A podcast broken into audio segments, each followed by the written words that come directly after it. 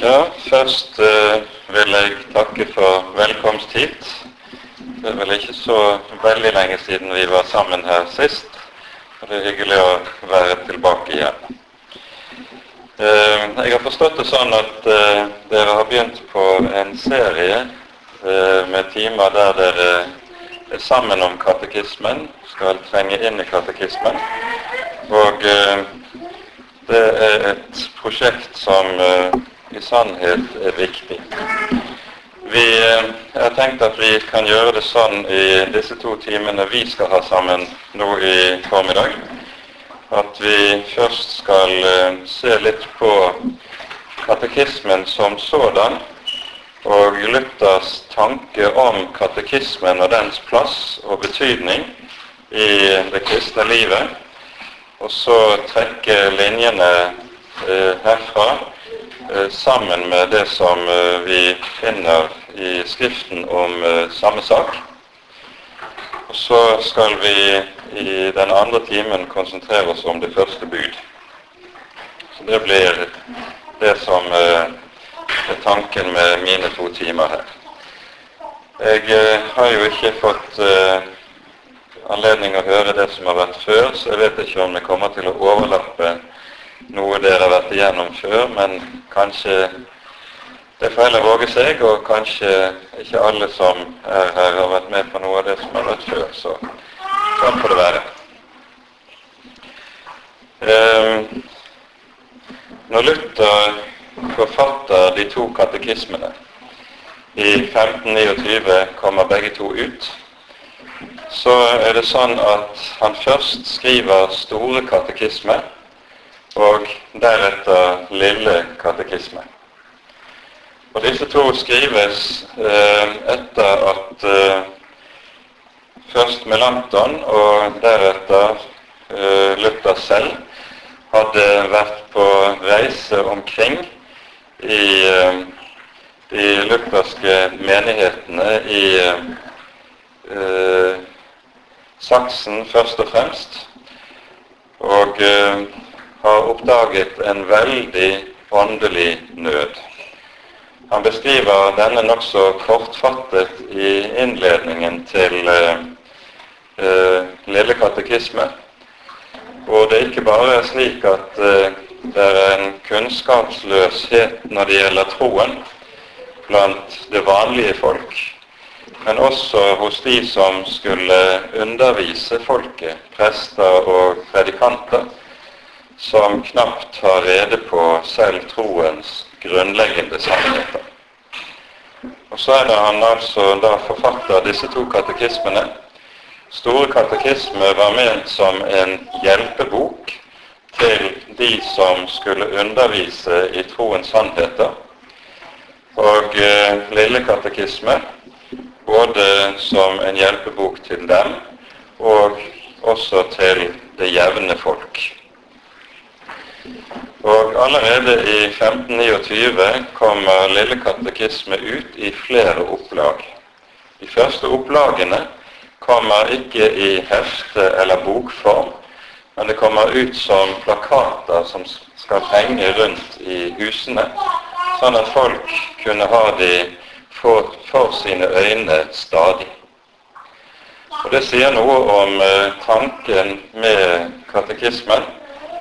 Eh, og vi ser at Luther i forordet til eh, Store katekisme så knytter han mot eh, katekismeundervisningen opp mot ordene i 5. Moseboks 6. kapittel.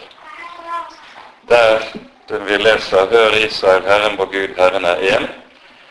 Du skal elske Herren din Gud av hele ditt hjerte, av all din sjel og av all din kraft. Disse ord som jeg byr deg i dag, skal du innprente dine barn. Du skal tale om dem når du sitter i ditt hus, når du går på veien, når du legger deg, når du står opp, osv. Dette er noe som Gud allerede i 5. Mosebok minner folket om, så å si skal eh, omgi hele livet og ordene skal henges i synlig form også i husene. Og eh, det er dette Luther følger opp når uh, Lille katekisme trykkes opp nettopp som plakater som skal henge i husene til en stadig påminnelse for folket. Nå er det også sånn at um, det som kjennetegner katekismen i ordets egentlige forstand, det er at katekismen bestod av tre hovedstykker. Det var budene, det var trosartiklene, og det var Fader vår. Og det er disse tre hovedstykkene som var katekismen i ø, dens egentlige form.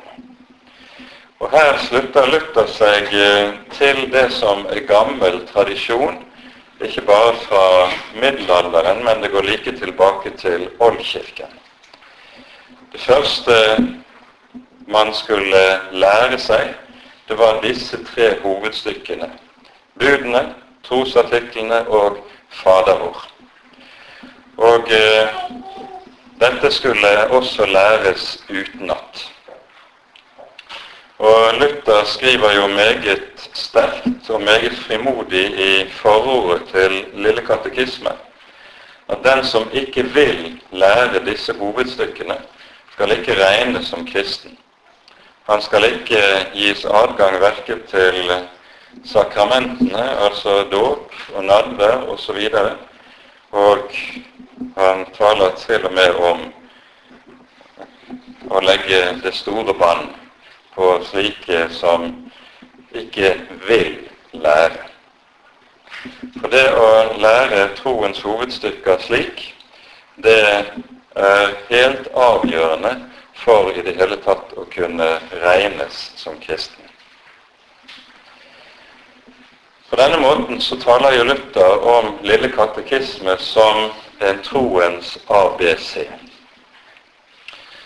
Og det som han innskjerper når det gjelder de som skal undervise i katekismen, det er at det første som skal gjøres i denne sammenheng, det er at disse troens hovedstykker skal læres utenat.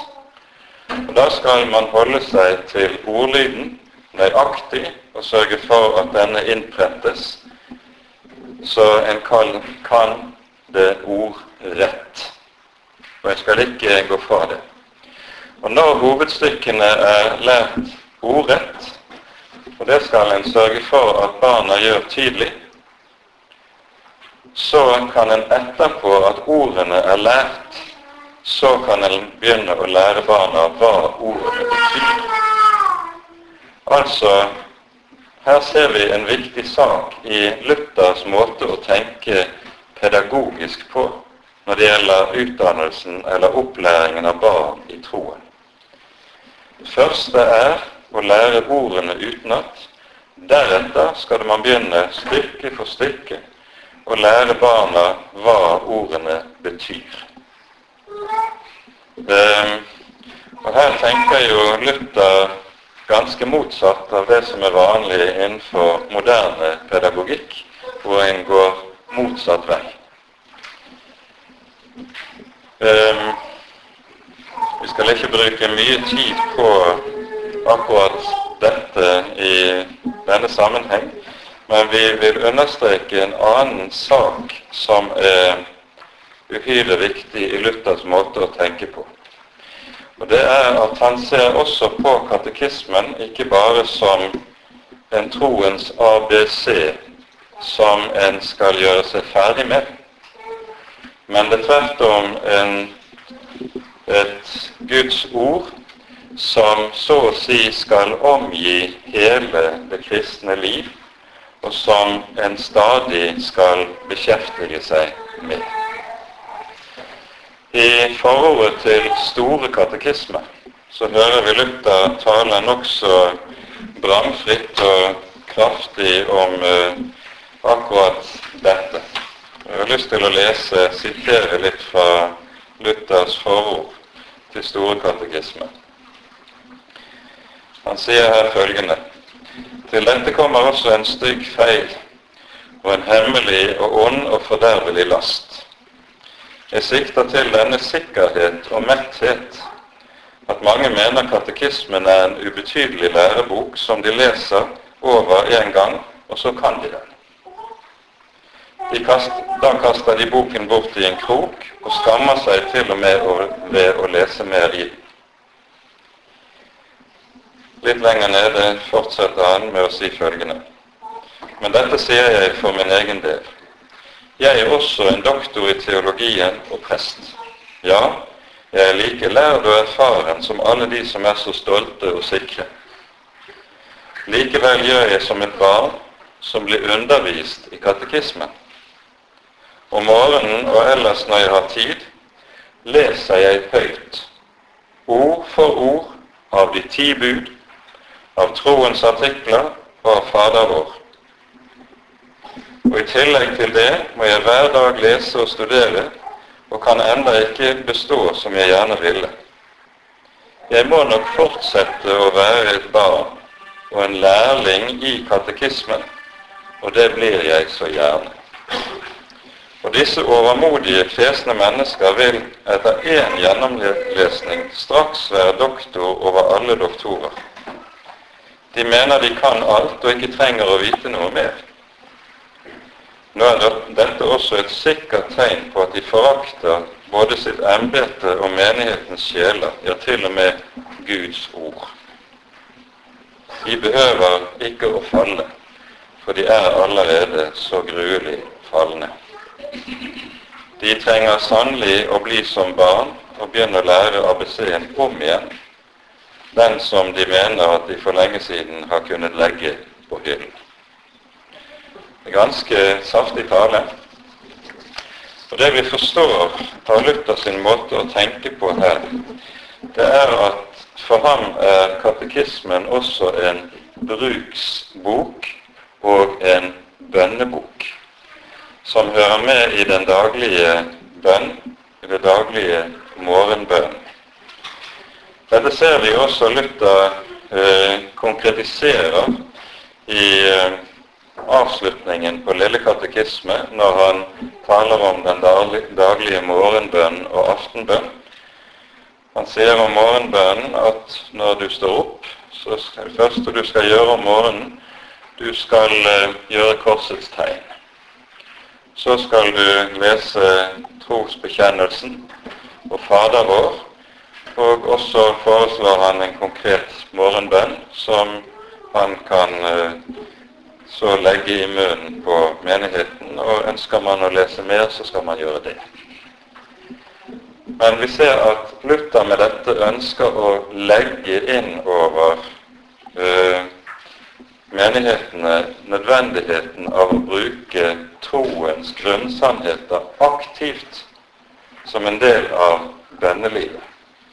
For dette er ikke noe som har den karakter at det er noe man vokser ut av men tvert om, det er dette som har den karakter som man stadig skal vokse dypere og dypere inn Og derfor, gjennom stadig repetisjon og stadig å grunne over dette som repeteres hyppig, vokser en dypere inn i det og vokser i dypere erkjennelse over det.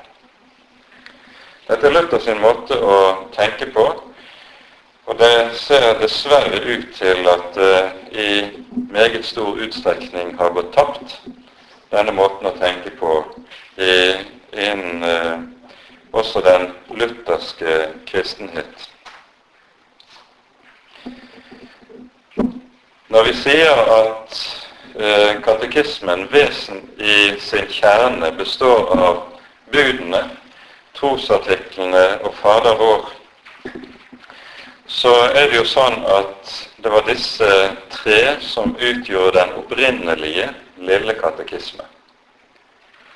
Og som Luther da skrev en eh, kort kommentar til hvordan en husfar skal lære sine barn eller sine husfolk. Og eh, så kom spørsmålet først med budene hva er det? Og så en kort forklaring til hvert enkelt. I den neste utgaven av, som kom av Lille katekisme, føyes det til to nye hovedstykker. det er om dåpen og om nadværen, som altså blir fjerde og femte del i katekismen. Og I 1531 så legges det til ytterligere en del som blir sjette avsnittet, nemlig om skriftemålet. Og Så har det fra den tid av vært de seks hoveddelene som Lille katekisme har bestått av. Men avsnittet om eller disse tre siste hovedkapitlene, om dåpen, om nadværen og om skriftemålet, de er egentlig ment som nærmere utleggelse av og konkretisering av forklaringen til tredje trosartikkel. Så de vokser så å si organisk frem av tredje trosartikkel og konkretiserer hvordan Åndens liv skal ytre seg i den kristne menighet. Dette er altså tankegangen, hvis vi skal sammenfatte ganske kort eh, hvordan Luther har ment og strukturert Lille katekisme. Vi bør vel også føye til en annen viktig sak. Og det er at når katekismen består av disse tre hoveddelene som vi har pekt på, budene, trosbekjennelsen og Fader vår, så er budene tenkt som loven, sammenfatning av loven. Trosartiklene, det er sammenfatningen og forkynnelsen av evangeliet. Mens Fader vår er konkretisering av lov og evangelium i det kristne liv. Sånn uh, er dette også tenkt, som vi ser det hos Luther. I uh, Luther sin måte å tenke på, så er katekismen helt basal når det gjelder det som har med troens formidling til den oppvoksende slekt å gjøre. Og da er vi med en gang også inne i noe av det som er en Gud Jeg tror vi har lov til å kalle det for en rød tråd i Den hellige skrift, som vi kanskje ikke alltid er like oppmerksom på. Og vi skal se litt på dette i fortsettelsen.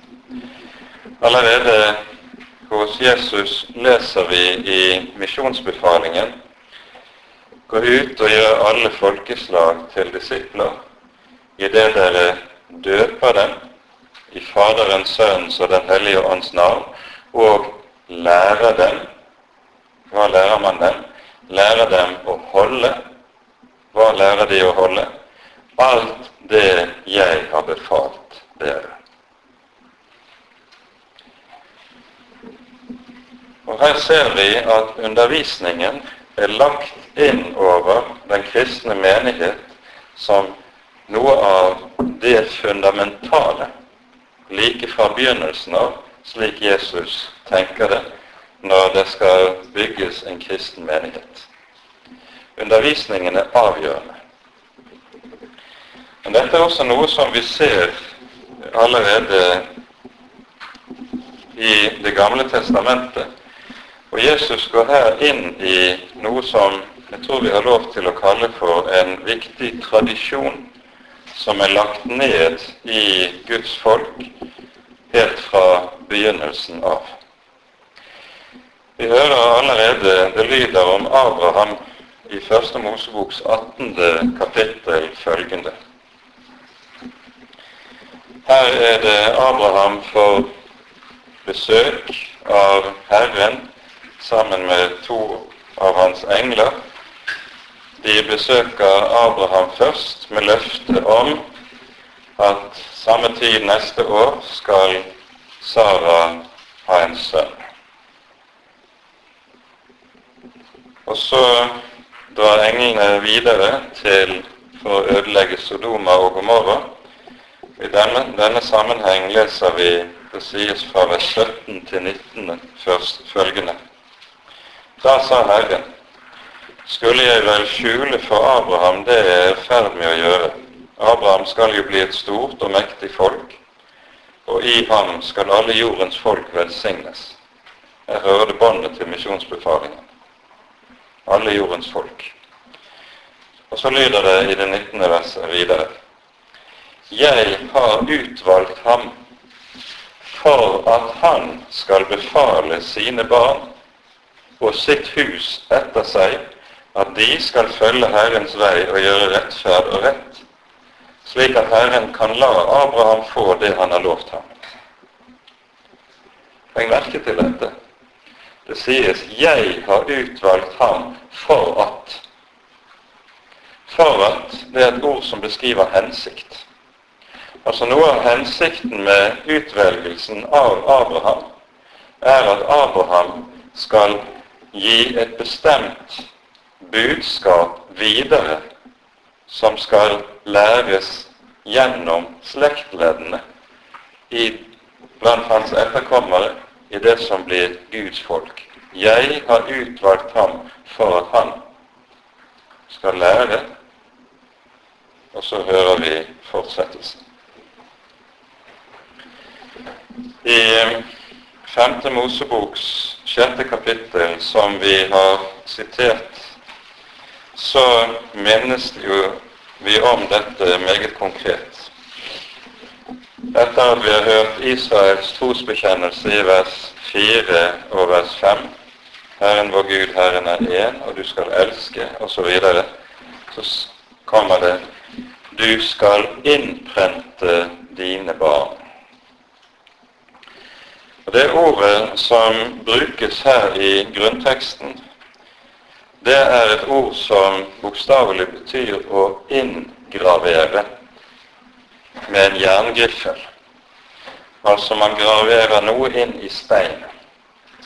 Det er en måte å skrive på som ikke så fort lar seg viske ut. Det er det som er hele poenget med tankegangen her. Det er noe som skal graveres inn så det sitter. Og Da ser vi også at dette i jødisk tradisjon jo ble praktisert meget konsekvent i at man tidlig begynte å lære barna utenat. Utenat sentrale bibeltekster. For I ortodokse jødiske hjem Sånn var det allerede på Paulus tid, og er det den dag i dag.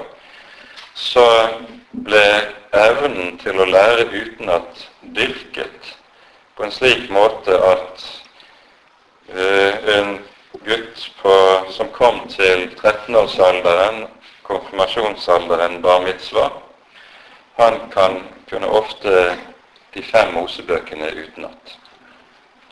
Det sier mye om hvor grundig man har søkt å etterleve det som her sies.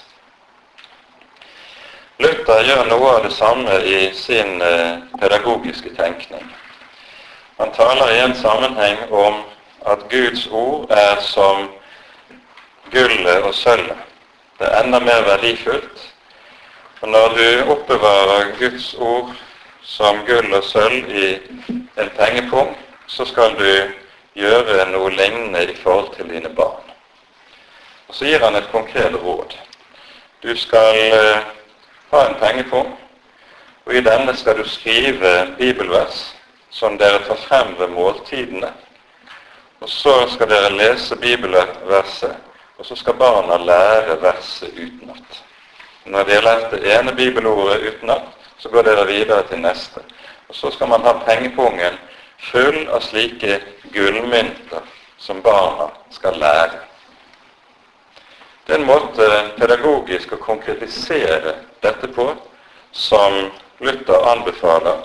Vi har prøvd å innføre noe av det samme konkret i vår menighet. Når barna fikk fireårsboken, så fikk de samtidig en sånn uh, uh, bunke med gullpenger bibelord som eh, eh, mor og far putter i en pung, og så tar de frem middagsbordet og lærer barna. Og Noen av foreldrene har kommet tilbake med stor forbauselse og fortalt hvordan fireåringen lærer dette uten det minste problem.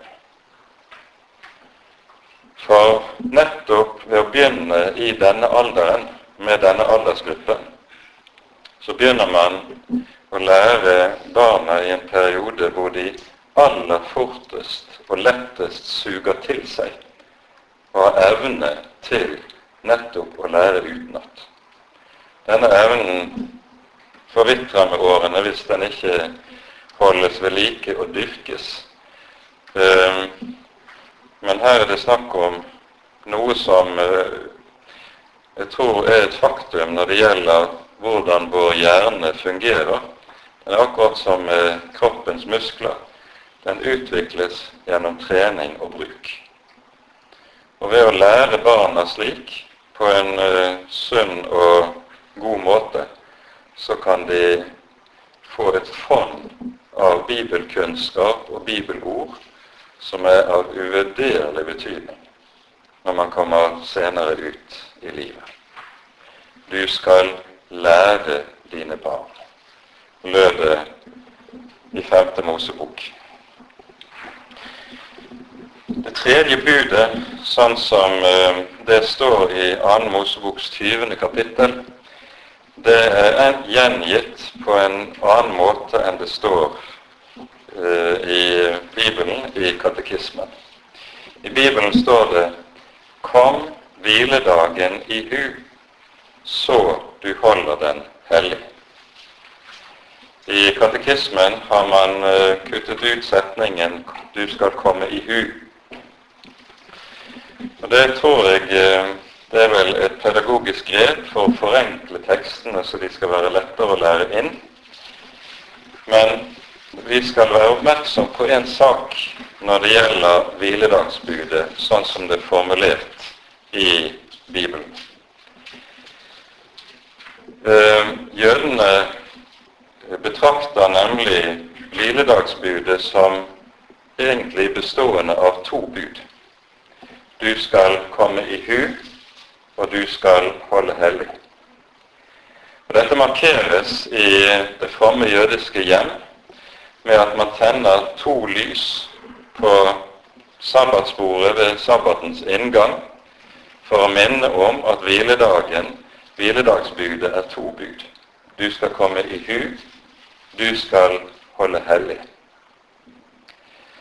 Fordi det nettopp er en grunnleggende sak ved jødisk tro at man skal komme i hu. Komme i hu Herrens ord, Herrens befalinger, Herrens velgjerninger. Og Hvis vi leser ganske særlig Mosebøkene i sammenheng, så vil du legge merke til at det i en rekke sammenhenger er slik at Gud gir konkrete befalinger om ordninger, tradisjoner, som folket skal ta i bruk med tanke på en bestemt sak. De skal komme i hu. F.eks. når vi hører om uh, innstiftelsen av påskemåltidet som en fast tradisjon som skal skje årlig i folket. I 2. Eh, Moseboks 12. og 13. kapittel beskrives jo dette. Så sies det uttrykkelig for at dere skal komme i hu Herrens store gjerninger. Altså, Gud innfører noe som og befaler noe som blir en tradisjon i folkets liv, som skal overholdes i hvert enkelt hjem med tanke på at denne tradisjonen skal være en hjelp i tradisjonsformidlingen for at de skal komme i hu Herrens velgjerninger. Du hører i 4. Moseboks 15. kapittel at Herren gir befaling om at på kappen, som har fire hjørner, skal det festes fire dusker og Disse duskene i hjørnene på kappen, de skal folket ha, for det sies uttrykkelig, for at dere ikke skal løpe etter det deres øyne og deres hjerte frister dere til, men komme i hu Herren deres Guds ord og befalinger.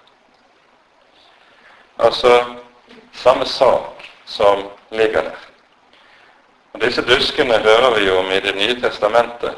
Kvinnen som var plaget av blødninger i mange år, og som trenger seg gjennom folkemengden, og så står det i de gamle oversettelsene, rørte ved det ytterste av kappen til Jesus. Der står det egentlig at hun rørte ved duskene på Jesu kappe. Jesus er altså som en skriftform jøde også innrettet seg etter disse befalingene i Mosebøkene. Når vi ser på betydningen av dette å komme i hu i Bibelen, så skjønner vi enda mer av viktigheten dersom vi tenker på motsetningen. Det er nemlig slik i Det gamle testamentet at frafall fra Herren stadig beskrives som å glemme. Du glemte Herren din Gud. Du glemte Herren din Guds befalinger. Det sies det om igjen og om igjen om folket i frafallstider. Glemsel er noe av den største fare for Guds folk.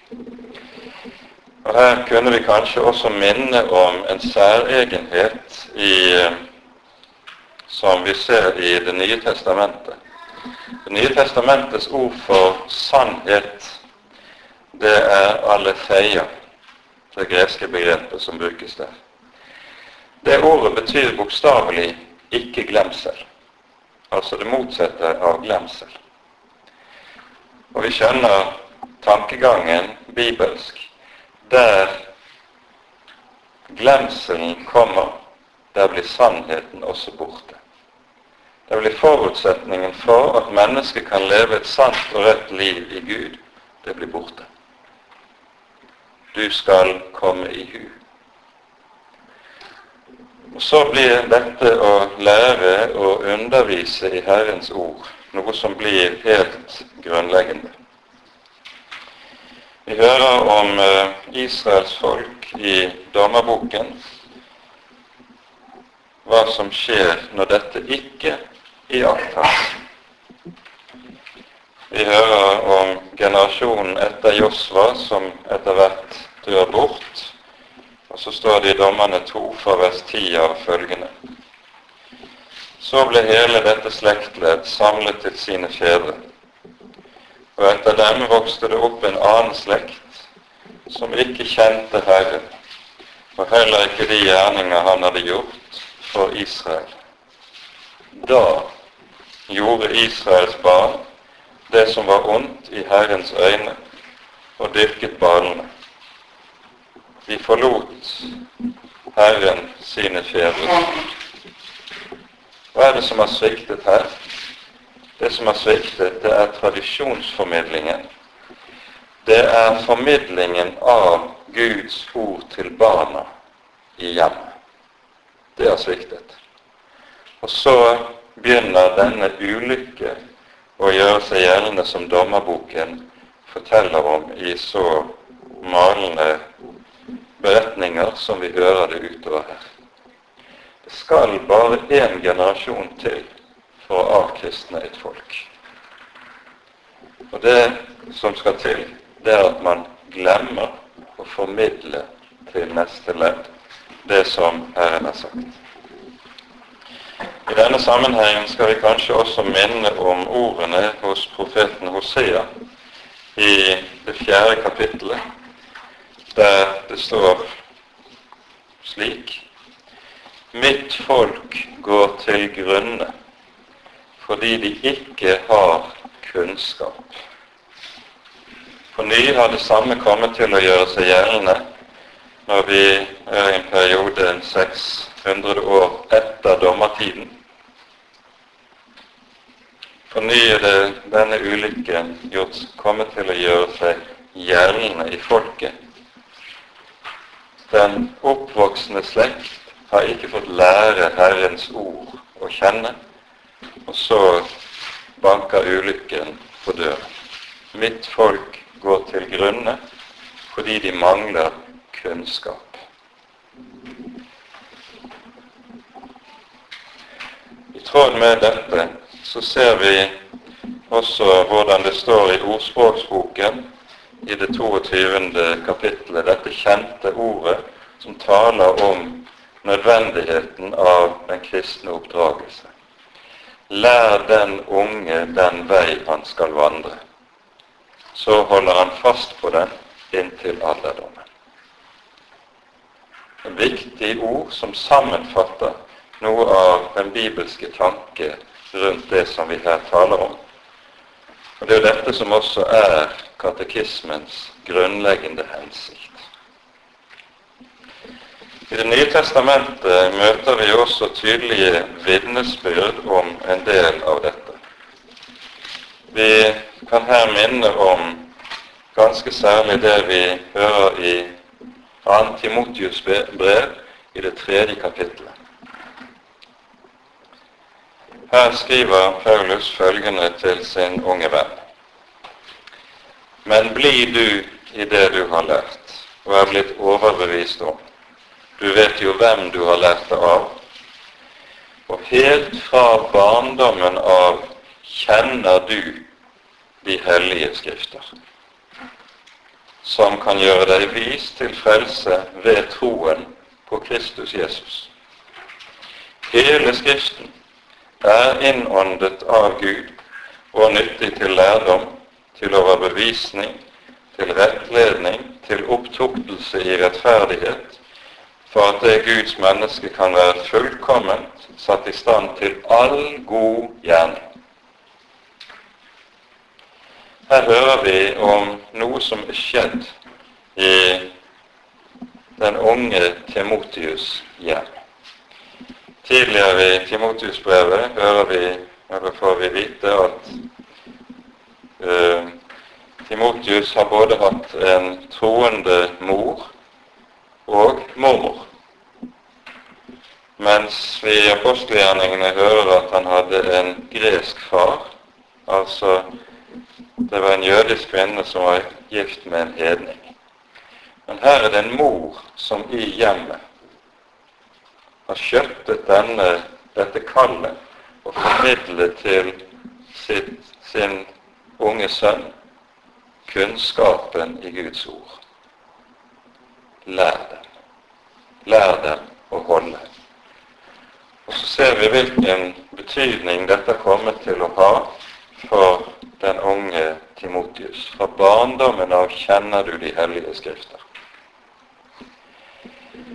Det som Paulus peker på med ordene som vi har lest her i 2. Timotius brev. Det er en annen sentral sannhet som er overmåte betydningsfull. Når han nemlig sier hele Skriften er innåndet av Gud. Her taler jo Paulus om Det gamle testamentet som det omtalte i det foregående. Hele Skriften er innåndet av Gud. Vi sier gjerne hele Skriften er inspirert av Gud. Det ordet som brukes i grunnteksten, er theopnaustos, som betyr bokstavelig Gud innåndet. Og vi møter vel en parallell til dette i Første Moseboks annen kapittel der vi hører om at Gud etter å ha dannet Adam av jordens muld, så står det at han blåste livets ånde inn i hans nese, og Adam ble til en levende sjel. På samme måte har Gud blåst livets ånd inn i Skriftens ord. Og det som dette sier noe om, det er ikke bare at Guds ord er Guds ord fordi Den hellige ånd var virksom i og med nedskrivningen av Den hellige Skrift, slik at vi av denne grunn kan si at det ord som vi har i Bibelen, er Guds ord. Poenget er også at når Gud har blåst Den hellige ånd inn i Den hellige Skrift, så er Den hellige ånd til stede i dette ord på en slik måte at det også er slik som en gammel, kjent utlegger sier om det. Når du leser Skriften, så blåser Den hellige ånd på deg ut av Skriften. For Ånden er i Ordet. Og Det er dette som gjør at bibelordet ikke er som andre ord, som døde ord, som maktesløse ord, som menneskeord. Men det er et ord som er levende og virkekraftig, og gjør en bestemt gjerning i menneskets liv og i menneskets hjerte der det får rom. Og Det er jo derfor Paulus sier som han gjør i det vi her hører. Hele Skriften er innåndet av Gud og nyttig til. Vil si at Skriften utfører en bestemt gjerning i dens hjerte, der Skriften får rom. Nyttig til lærdom, til overbevisning, til rettledning, til opptuktelse i rettferdighet, for at Guds menneske kan være fullkomment dugelig til all god gjerning. Merk det, dette er en frukt av at Den hellige Skrift, Guds eget ord, får rom i et menneskes liv og et menneskes hjerte. Derfor dreier det at å lære barna Skriften seg ikke om utelukkende å formidle kunnskap, men det dreier seg om noe langt, langt mer, og noe langt mer, mer betydningsfullt. For når vi har med Den hellige skrift å gjøre, så har man ofte lett for å tenke at her er det på samme måte som med en vanlig lærebok. Du tilegner, du leser en bok for å tilegne deg kunnskap, en bestemt teoretisk kunnskap, og så skal du omsette denne kunnskapen i praksis. Men Bibelen er annerledes. Du kan ikke bruke skillet mellom teori og praksis slik i møte med bibelordet. For med Bibelen er det i stedet slik at Bibelen så å si er Guds praksis. Det er et virkekraftig ord fordi det er Guds ord. Det er et ord som gjør en bestemt gjerning med oss. Og Derfor er det som av og til noe misforstått lyder i enkelte ivrige, fra enkelte ivrige ungdommer man må ut og praktisere Skriften. Det er ganske misforstått. For så sant Guds ord får lov til å synke inn, så vil Gud også begynne å gjøre sin gjerning i dette menneskets liv og men dette menneskets hjerte. Og Derfor hviler all kristen kunnskapsformidling i en bestemt tro, nemlig troen på ordets egen virkekraft. Og det er det alt som har med katekismeundervisning dypest sett også dreier seg om. Katekismen handler ikke om å konsentrere seg om noe som ligger i tillegg til Guds ord som kommer utenom Guds ord. Men katekismen er ment å være en hjelpebok som skal hjelpe en til å trenge inn i det som er Bibelens grunnsannheter, hjelpe til å forstå Bibelens grunnsannheter og drive en stadig tilbake i Skriften, sånn at du får så å si et vekselvirkningsforhold mellom Skriften og katekismen som står der hele livet igjennom. Det er ikke tilfeldig at vi i Bibelens bønner, i Salmenes bok, på ny og på ny hører en bønn som stadig dukker opp. David ber, lær meg, Herre. Lær meg dine veier. La meg kjenne dine stier. Lær meg dine forskrifter, dine bud, din lov, dine ord. Om igjen og om igjen dukker denne bønnen opp igjen. For Skriften har jo det med seg at her ligger det en uendelig rikdom som all en aldri kan bli ferdig med. Katekismen er en døråpner til dette, som hjelper oss til å se inn i det. Men vi blir aldri utlært. Så trenger vi med David stadig på ny å be disse bønnene. Lær meg. For det å være en kristen, det er dypest sett å sitte på Skriftens fang, som Luther har formulert det. Ære være Faderen og Sønnen og Den hellige ånd, som var og er og være skal, en sann Gud, høylovet i evighet. Amen.